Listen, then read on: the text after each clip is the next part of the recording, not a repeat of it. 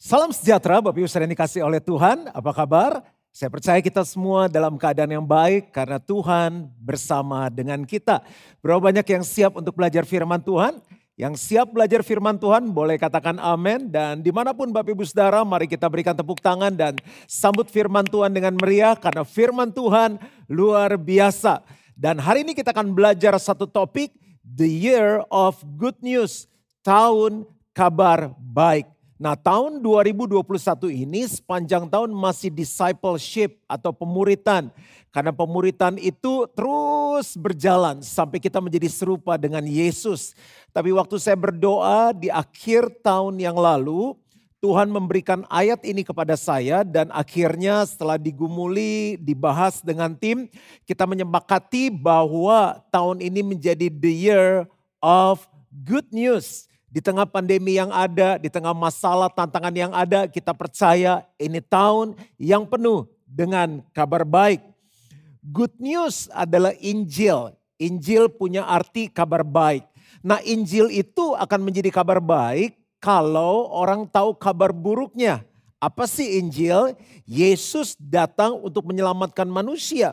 Nah manusia nggak merasa itu kabar baik karena mereka berpikir Kenapa perlu Yesus?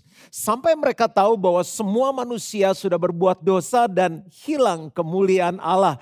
Dan upah dosa adalah maut atau neraka. Dan di saat mereka mengerti bad newsnya, mereka bersyukur, mereka membutuhkan good news yaitu Injil. Setiap kita Bapak Ibu Saudara pasti merindukan good news. Saya secara rutin melakukan PCR, PCR swab itu adalah tes untuk mengetahui apakah kita ada COVID-19 atau tidak.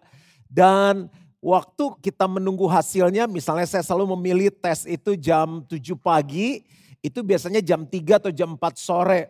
Tapi sering kali meleset jam 6, jam 7, kemarin dapat hasilnya itu jam 9 malam. Nah kalau saya ceknya itu mulai agak siang jam 10, jadinya bisa jam 11, 12 malam. Nah selama nungguin hasil itu deg-degan. Begitu WhatsApp atau SMS-nya masuk, negatif itu senengnya luar biasa. Jadi ini sebuah analogi untuk membayangkan good news. Tiba-tiba kita single, ada yang bilang eh itu cowok pengen kenalan sama kamu, katanya suka sama kamu. Atau itu cewek pengen dikenalin, katanya dia suka sama kamu. Wow, itu good news banget. Kita klaim asuransi, tiba-tiba klaimnya disetujui bahwa semua yang kita tagih diganti sama asuransi. Wow, itu good news. Di tengah masa-masa yang sulit, tiba-tiba bos kita bilang gini, ada berkat, kita tetap dapat bonus, dapat THR. Wow, what a good news. Langsung aja masuk dalam Lukas 4 ayat 16 sampai 19. Ia datang ke Nazaret tempat ia dibesarkan dan menurut kebiasaannya pada hari sabat ia masuk ke rumah ibadat lalu berdiri hendak membaca dari Alkitab.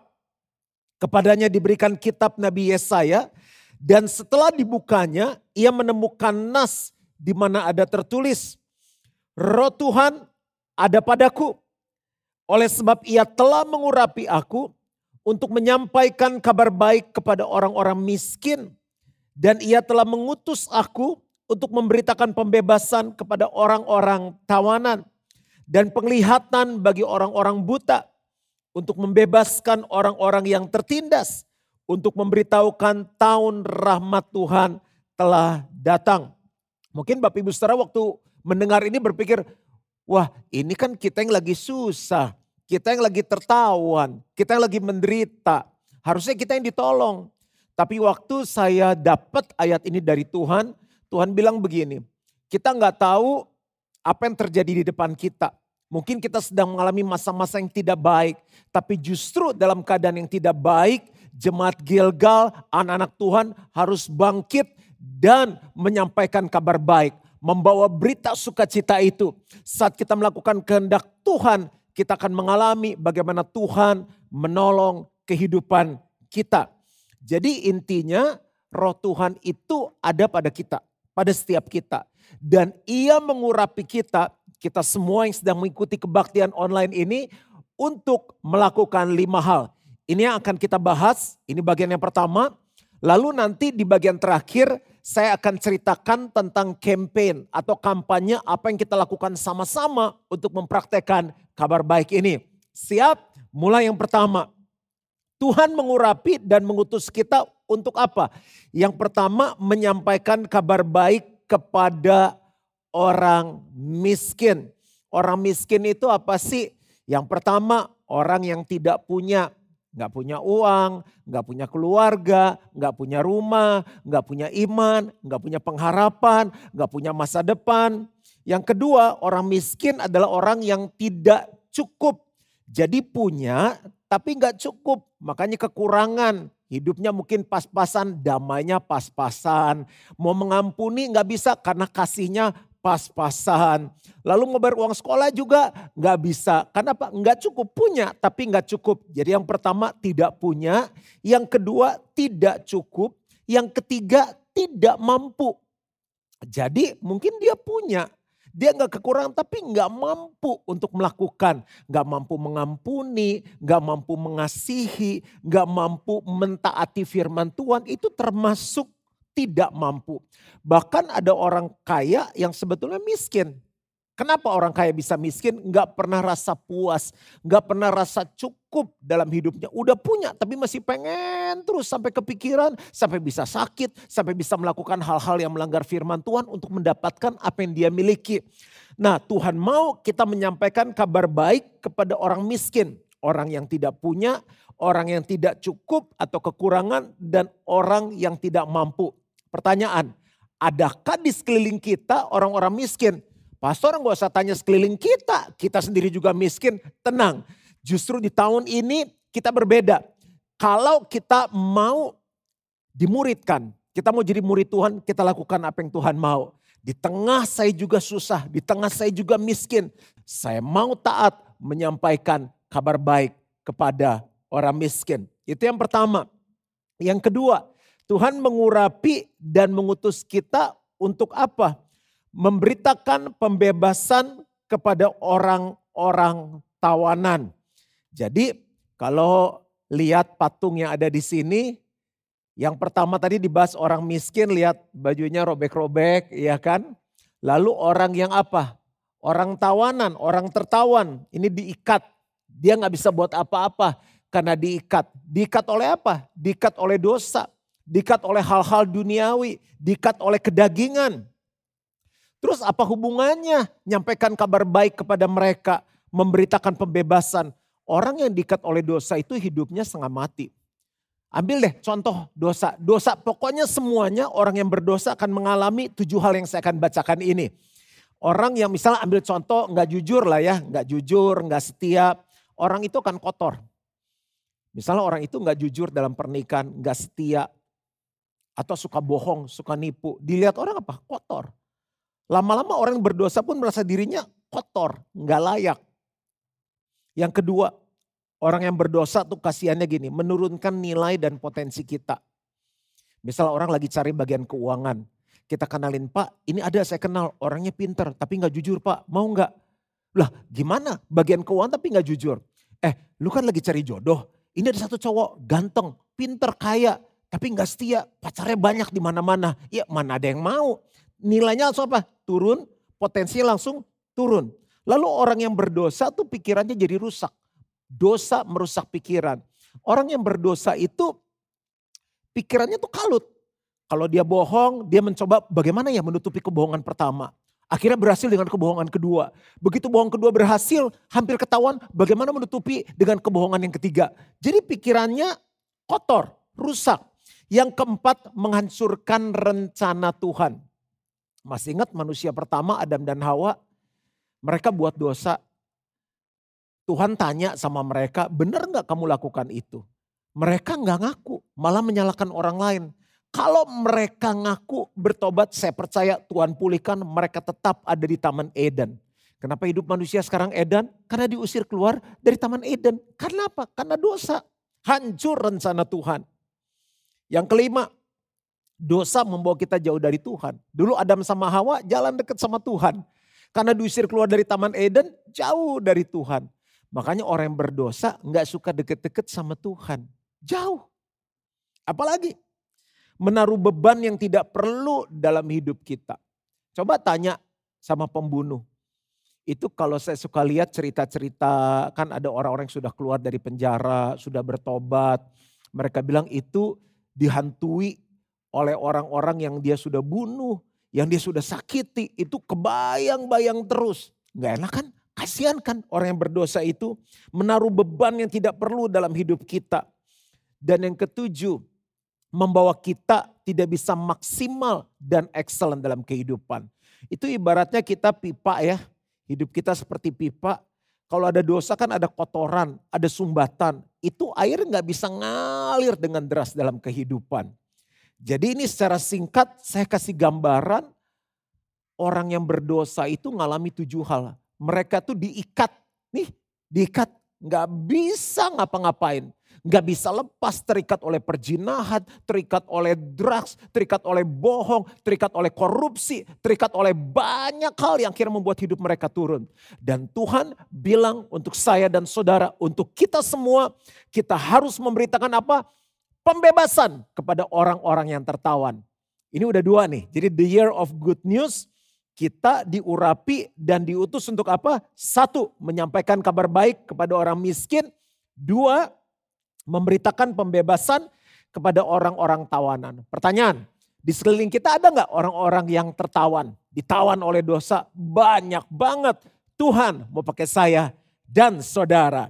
Yang ketiga, memberitakan penglihatan kepada orang-orang buta.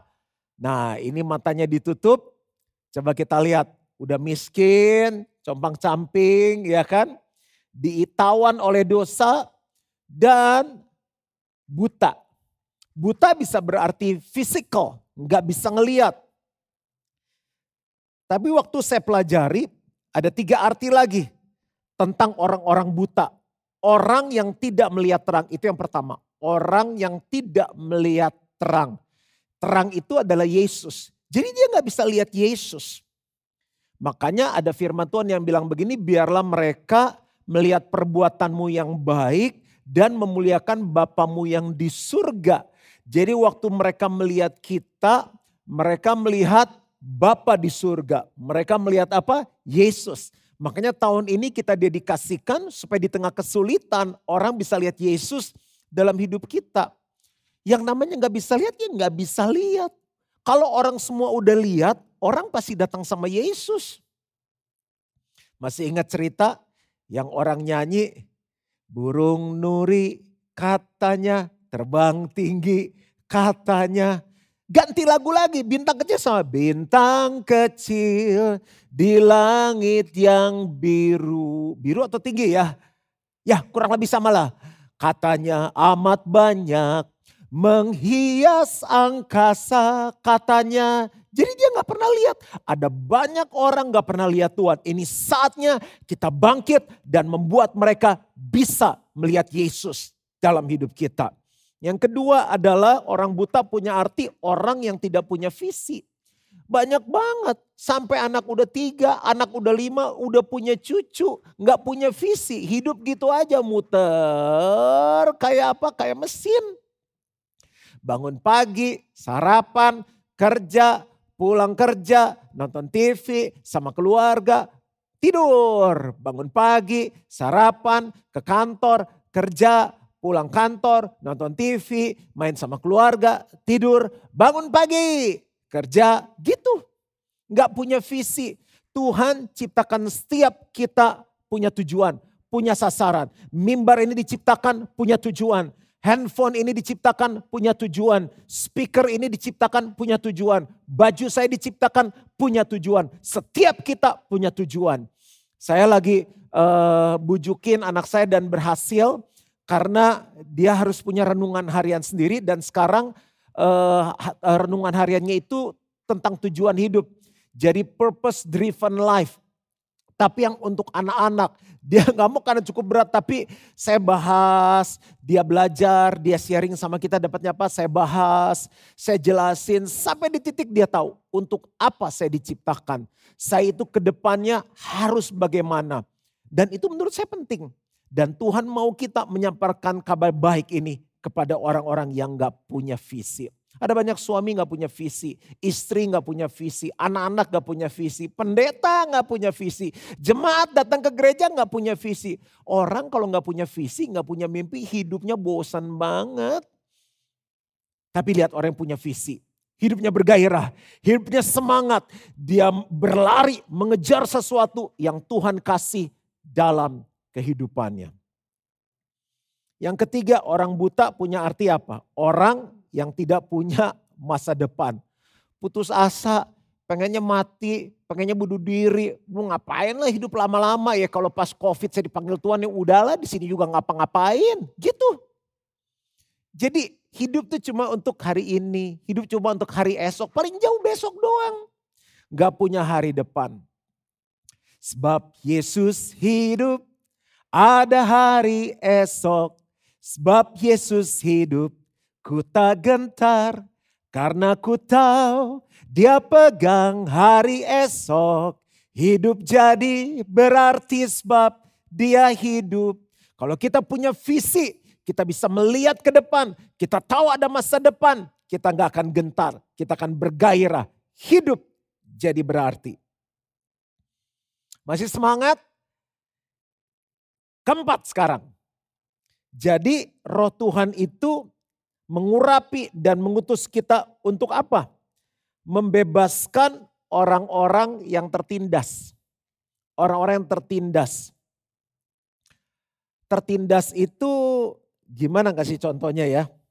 Misalnya ini yang berat, lalu ada ini nanti untuk perjamuan kudus, ini kecil, ini besar ditindas. Gak enak banget.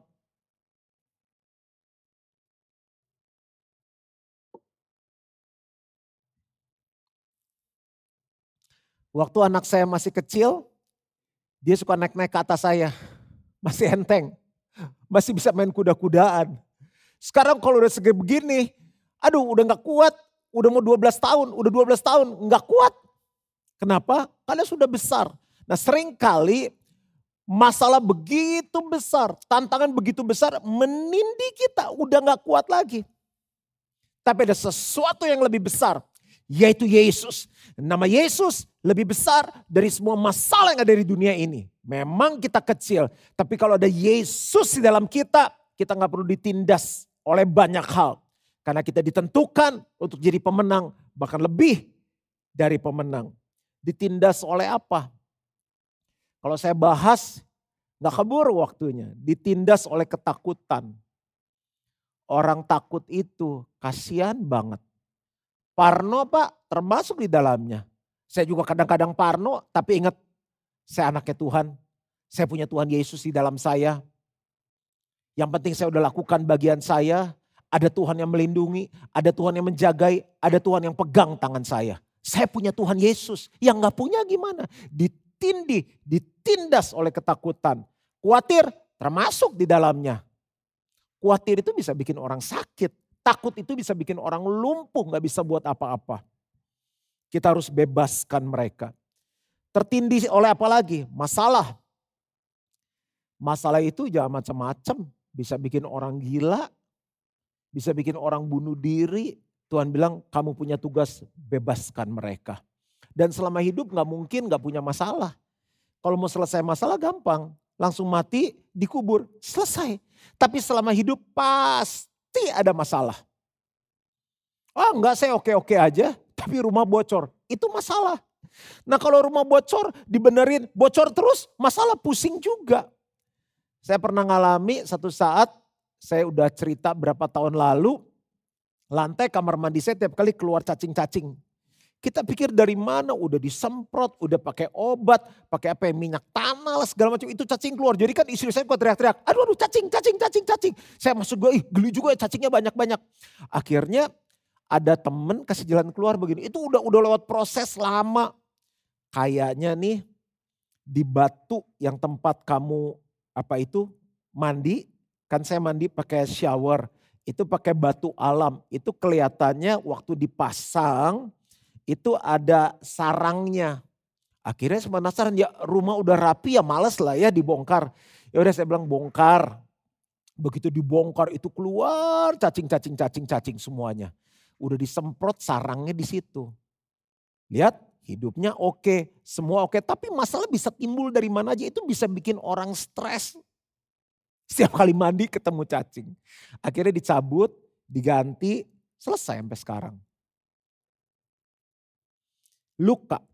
Jadi orang ditindas oleh ketakutan, masalah, luka, itu yang namanya orang luka ya, kasihan deh. Luka itu kalau nggak diobatin bisa berdarah terus. Luka itu kecil bisa tambah besar.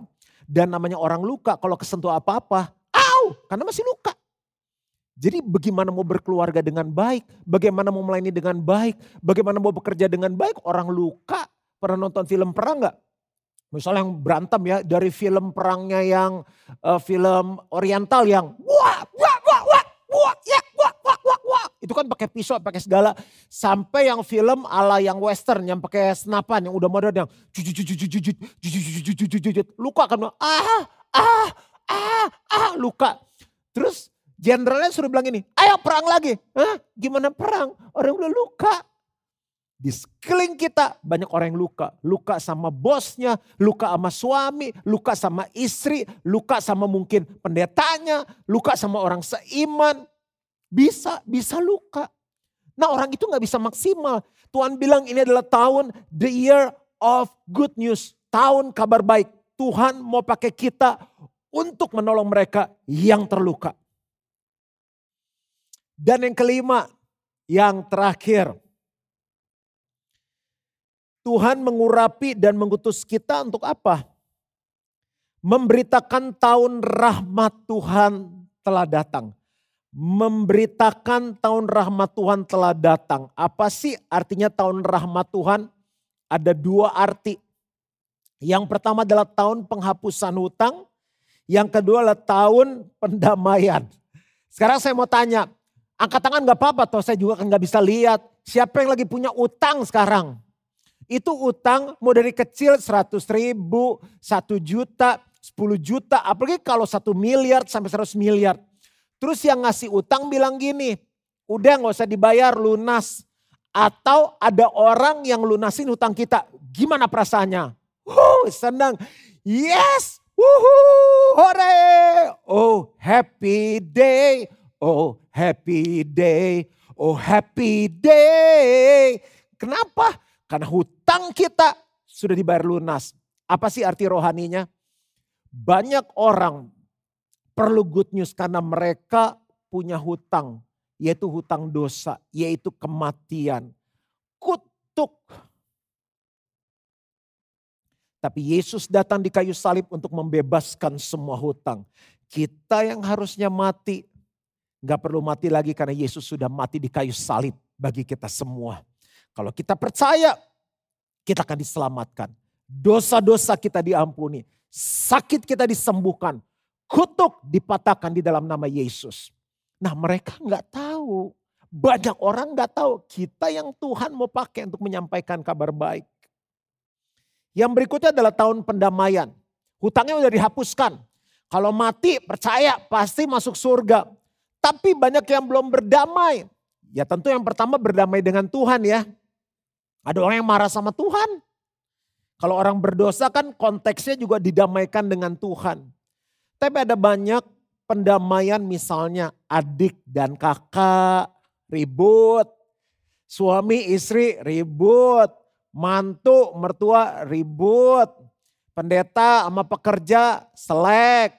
Rekan bisnis nggak cocok. Ini jadi tahun pendamaian. Tuhan akan utus kita untuk membawa pendamaian bagi mereka. Ini lima hal yang Tuhan mau kita lakukan. Karena roh Tuhan itu mengurapi kita.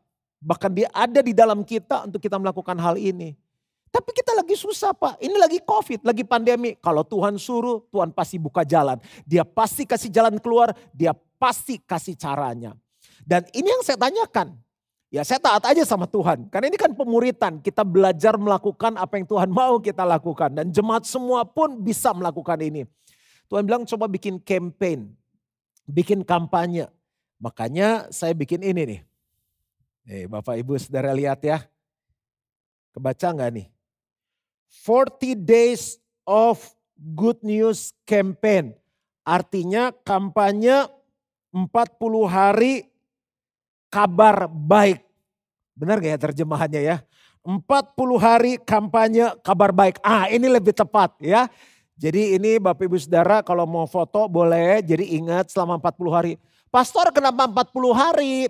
Begini, ada beberapa penelitian yang bilang sebuah kebiasaan itu akan berubah setelah 40 hari. Kita akan mulai bisa menyesuaikan diri. Contoh, orang gak pernah olahraga, coba rutin 40 hari olahraga. Nanti akan jadi gaya hidup. Kita misalnya nyisir rambut nih, saya ini belah apa ya? Belah kiri ya, belah pinggir tapi di sebelah sini nih. Kalau mau rubah belahannya sebelah sini, sisir terus kan pasti pertama jabrik-jabrik, berantakan. Nanti 40 hari dia mulai nurut. Semua hal dalam hidup dimulai dari apa? 40 hari. Ini sih kata ahli. Jadi Bapak Ibu Saudara ini hanya untuk apa ya? Melatih kita. Tapi menurut saya kita bisa lakukan terus sampai akhir tahun. Jadi gaya hidup bagus banget. Bayangin kalau kita seluruh jemaat sehati melakukan ini. Bahkan saya minta mulai dari Gilgal Kids. Jadi nanti jangan heran para orang tua kalau anak-anak kita pengen melakukan uh, perbuatan baik. Anak-anak, remaja, youth, uni, semuanya. Bahkan para senior fellowship pun bisa melakukan hal ini. Termasuk saya, istri, dan anak kita akan melakukan hal ini. So ini 40 days campaign. Ini untuk apa? Mempraktekkan yang tadi kita belajar lima hal itu simple. Mereka mungkin gak bisa lihat Yesus. Tapi lewat perbuatan baik yang kita lakukan itu menjembatani. Untuk mereka melihat kok dia baik ya. Kenapa yang lain egois kok dia baik? Di tengah COVID, di tengah semua mementingkan diri sendiri, menyelamatkan diri sendiri, ada orang yang mau memperhatikan kita, ada orang yang memberkati kita, ada orang yang mau mendengarkan kita, ada orang yang mau mengasihi kita.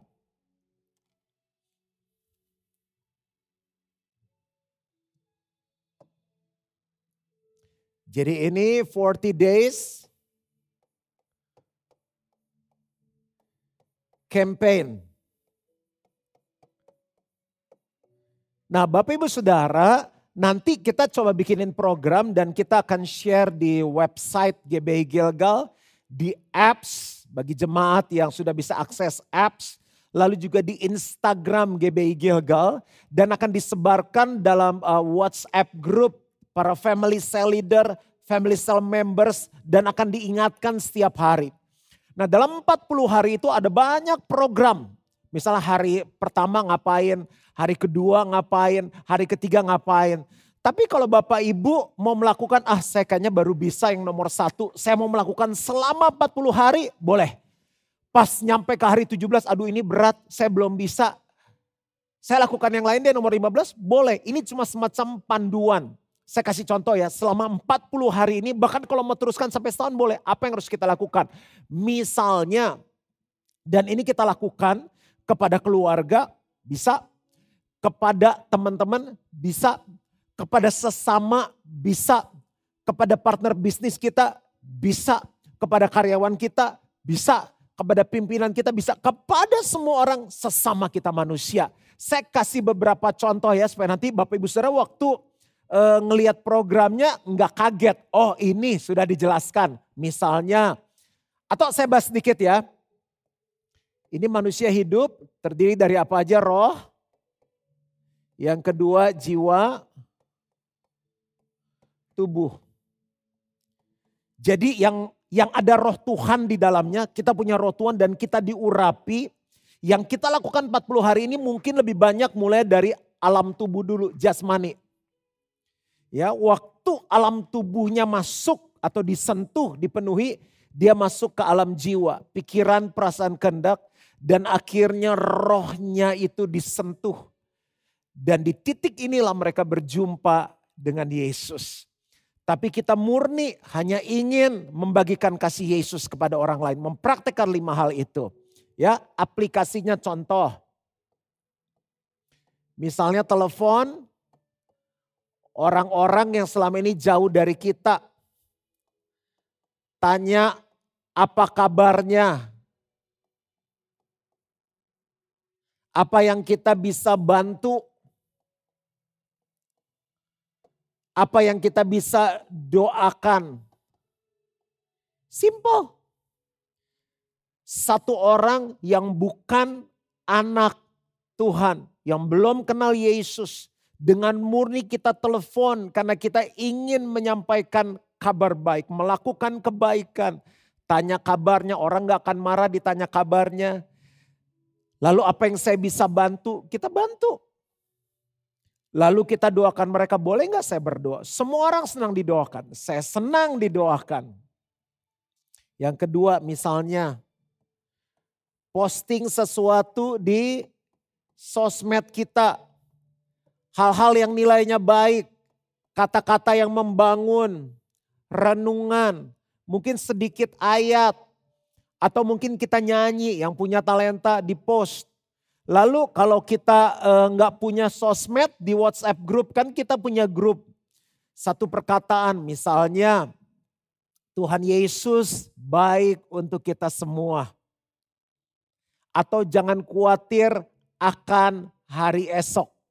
Atau segala perkara dapat kutanggung di dalam dia yang memberi kekuatan kepadaku. Apa saja yang Tuhan taruh di hati kita? Posting di sosmed atau misalnya di WhatsApp group.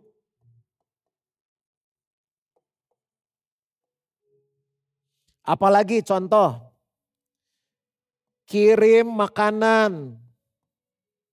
Ini kalau kita lakukan selama setahun dan semua jemaat bergerak, kita makan siang apa, masak lebihin kirim sama orang bagi berkat. Mungkin sama tetangga nggak pernah bagi kue. Kita lagi coba bikin kue bagi. Kalau kita order makanan lewat misalnya aplikasi, kita pesan lebihan, kirim buat ipar kita. Siapa saja, supaya orang mulai merasakan kasih Tuhan dalam kehidupan kita. Saya mungkin hanya bisa kasih tiga contoh tapi nanti selama 40 hari setiap hari itu ada panduan-panduannya. Dan Bapak Ibu Saudara juga bisa berkreasi sendiri. Ah saya mau buat ini kan ini juga mewakili lima hal yang kita belajar. Silahkan. Yang penting adalah this is the year of good news. Ini tahun kabar baik. Jakarta, Indonesia, bahkan seluruh dunia berhak menerima kabar baik. Dan Tuhan mau pakai saya dan saudara. Tuhan memberkati. Mari kita sama-sama datang sama Tuhan. Buka hati kita.